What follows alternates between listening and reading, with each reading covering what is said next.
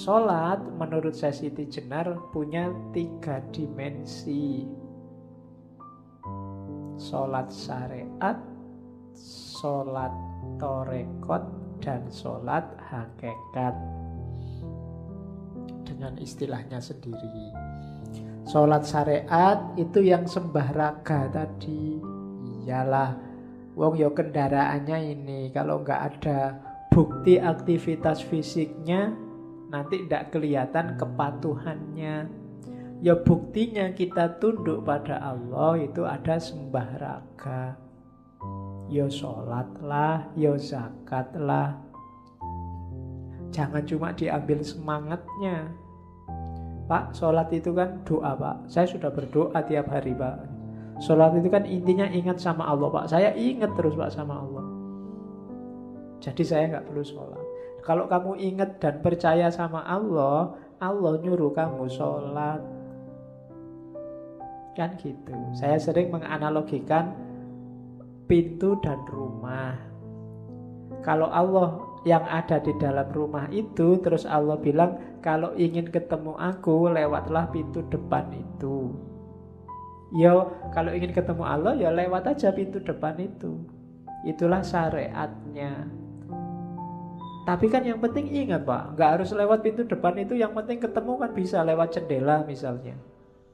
Loh, iya lewat jendela mungkin kamu bisa ketemu Allah. Tapi mungkin Allah tidak berkenan. Wong Allah sudah bilang lewat pintu. Ya pintunya itu syariat. Itulah sembah raga. Bukan olahraga lo ya sembah raga. Tapi memang sembah raga ini kalau nanti nggak masuk ke dimensi torekot dan hakikat, hasilnya memang olahraga. Cuma aktivitas fisik. Sholat bikin kita sehat, sholat bikin kita segar. Mungkin sampai itu aja. Aliran darah mengalir ke bawah, mungkin sampai itu aja. Hanya hanya sembah raga syaratnya kesucian fisik. Ya pakai air. Wudhu, kalau yang punya atas besar ya mandi.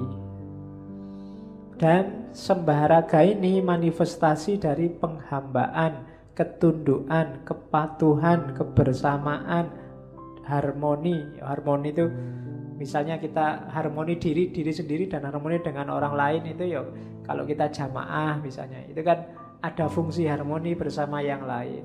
Aspek syariat raganya. Ya, itulah bukti bahwa kita tunduk bahwa kita patuh. Yo ya, kayak kita upacara itu loh, pakai hormat terus tangannya diangkat itu kan Allah saya nggak ngangkat tangan juga tetap menghormati merah putih. Enggak. Ada ada bukti resminya diatur oleh negara tangannya diangkat. Nah, bukti resmi kita bahwa kita yakin Allah adalah Tuhan yang mengatur alam semesta dan kita percaya itu yang fisik. Kalau sholat ya sembah raganya. Oke. Tidak usah khawatir modenya sembahraga, modenya syariat itu keragaman.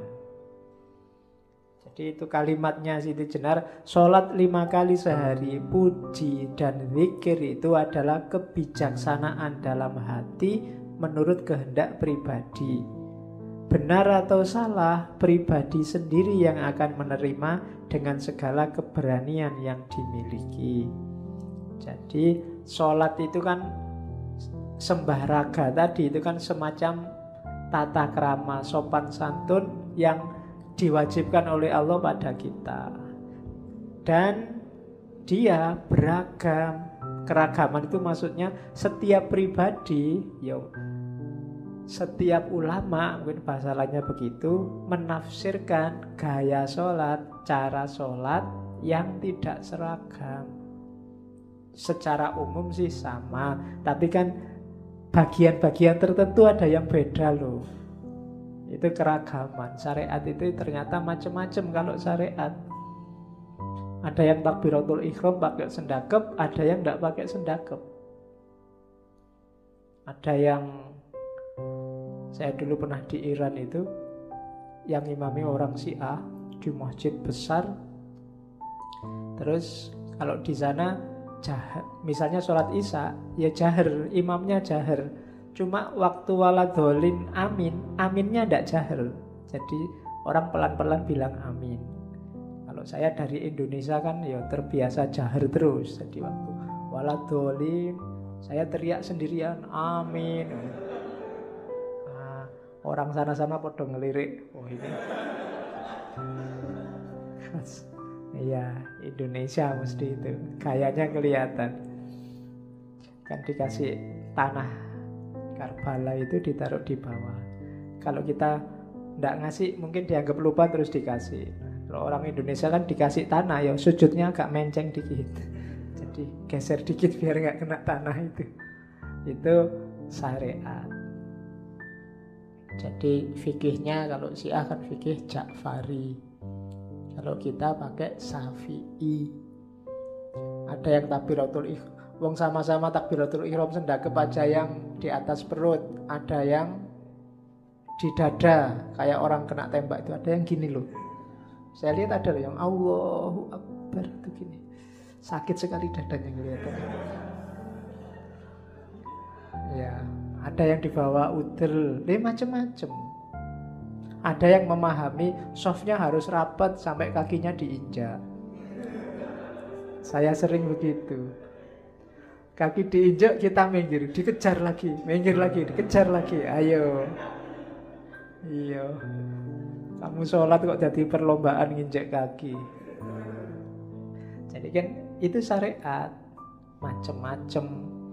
Nggak usah kaget, memang modenya beragam. Nggak apa-apa setiap orang sholat sesuai kemantepannya masing-masing. Itu tadi makanya keyakinan hatinya masing-masing. Loh, orang yang yakinnya benar di dada atas tadi, kalau dipaksa sholat disuruh menurunkan sendakepnya, ya dia jadinya tidak kusuk. Orang yang biasanya mepet sampai nginjek kaki, terus dia tidak bisa nginjek kaki, itu gelisah mesti sholatnya. Aduh, kapan dapat kaki ini ya biar sholatnya sah kan mesti begitu. Jadi itu modenya syariat beragam, tidak masalah. Jalani aja sesuai kemantepan. Itulah karakter dunia fisik. Fisik macam-macam. Mau tasahud aja ada yang biasa, ada yang bergetar, ya kan? Itu cuma sekedar tasahud. Ada yang tidak berdiri sama sekali lemas terus ada yang seru. Lah iya itu macam-macam. Coba aja kamu lirik. Jadi itu modenya orang sholat. Ya monggo masing-masing madhab punya aturan sendiri. Terus itu level sembah raga. Naik kelas dikit ada namanya sholat torekot atau sholat torek ada yang bilang torek itu bukan torekot tapi dari kata-kata taroki. Taroki itu naik lawannya tanazul tanazul itu turun. Ya monggo lah.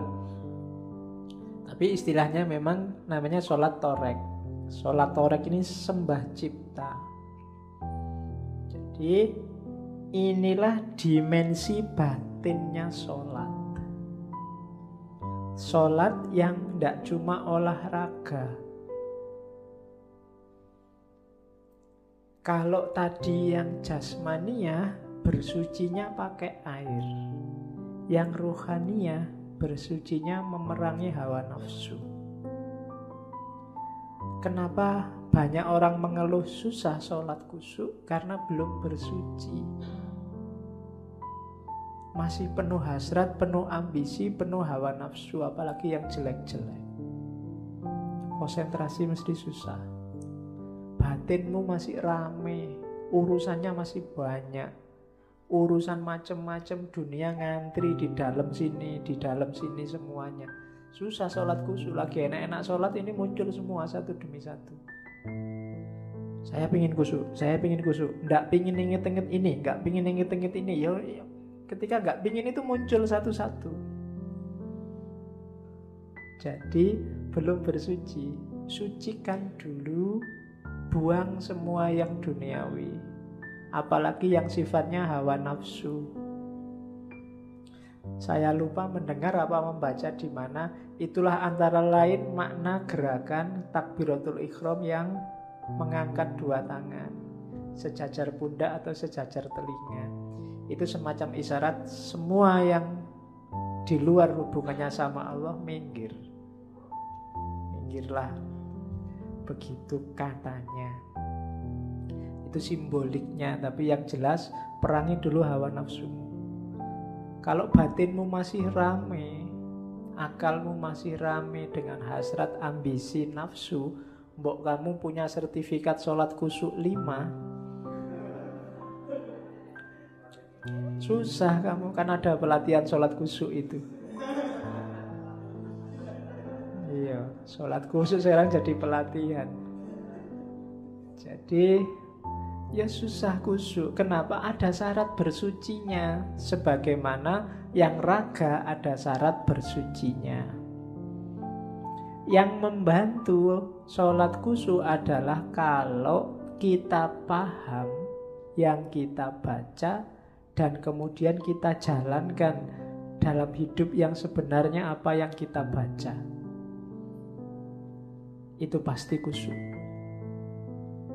Kalau dalam iftitah misalnya kita membaca Inna solati wa nusuki wa mahyaya wa mamati lillahi robbil alamin Sesungguhnya solatku, ibadahku, hidup dan matiku hanya untuk Allah kalau ingin kusuk beneran, hidupmu kayak gitu beneran. Kalau kamu baca Fatihah Bismillah Alhamdulillahirabbil alamin. Segala puji hanya bagi Allah yang layak dipuji hanya Allah. Kita ini lemah, tidak ada kebaikannya apa pun tanpa bantuan Allah, maka alhamdulillahirabbil alamin. Iya karena butuh wa iya karena stain Aku tidak butuh siapa pun dan tidak akan nyembah siapa pun kecuali hanya Allah saja. Benar dalam hidup kita kita jalani itu. Dan seterusnya. Semua bacaan-bacaannya, doa-doanya kita hayati dan hidup dalam keseharian kita itulah sholat torek Dari situ lahir kekusuan. Tidak cuma kekusuan dalam sholat, tapi juga kekusuan dalam hidup kita. Itulah yang oleh Al-Quran disebut tanha anil fahsya wal mungkar. Kenapa banyak orang sholat masih tetap korupsi? Banyak orang jahat masih tetap korupsi. Cowok cewek pacaran nginep berdua di hotel dan jamaah dulu sebelum tidur bareng. Loh kok kamu ketawa jangan-jangan pernah? Itu sholatnya hanya olahraga, sembah raga. Belum torek. Belum tanha anil fasya wal mungkar. Jadi makomnya harus naik sholat torekot. Terus naik lebih dalam lagi ada namanya sholat hakikat atau orang Jawa saya Siti Jenar memperkenalkannya dengan istilah sholat daim. Sholat daim itu sembah rasa. Ini level selanjutnya dari sholat torek. Kalau tadi sholat torek itu membersihkan diri. Kalau sholat daim ini dirinya sudah bersih, sekarang diisi terus menerus dengan yang baik-baik. Cara bersucinya dengan zuhud. Zuhud itu berarti tidak terlalu memasukkan variabel dunia dalam hidup. Jadi orang yang masuk ke level sholat daim itu kusuknya nggak cuma di sholat, tapi dalam hidup sehari-hari itu ada penjelasan Orang Jawa menyebut apa? Kusuk itu sinonim dengan kata-kata lerem. Lerem itu sudah mengendap. Sudah tenang, sudah sudah mantap. Tidak bisa goncang-goncang lagi. Sudah stabil.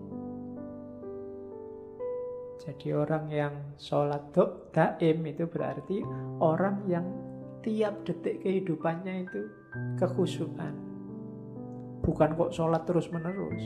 Bukan ndak syariat terus batinnya sholat terus. Ndak. Ya syariat, ya torekot. Tapi berlanjut terus dalam hidupnya itulah sholat daim. Kesadarannya selalu kesadaran Allah, ndak pernah putus menjauhkan diri dari perbuatan jelek dan mengisi dengan perbuatan baik dengan landasan kesadaran bahwa Allah selalu ada menyertai. Dasarnya tadi kan syahadat. Oke. Hasilnya apa? Ketenangan keteguhan tidak mungkin was-was tidak mungkin khawatir makomnya aulia la khaufun alaihim walahum yahzanun. Kalau kita masih sering gelisah, masih sering was-was, sering khawatir oleh apa pun, berarti belum masuk ke ranah sholat daim. Orang yang masuk ke makom sholat daim ini, day to day, detik per detik, hidupnya selalu bareng Allah. Namanya sembah rasa sembah rasa. Jadi rasa hidupnya, cita rasa hidupnya itu sudah cita rasa Allah. Itu namanya sholat daim. Kalau sholat daim tidak tidak berwaktu lagi sudah sudah terus menerus.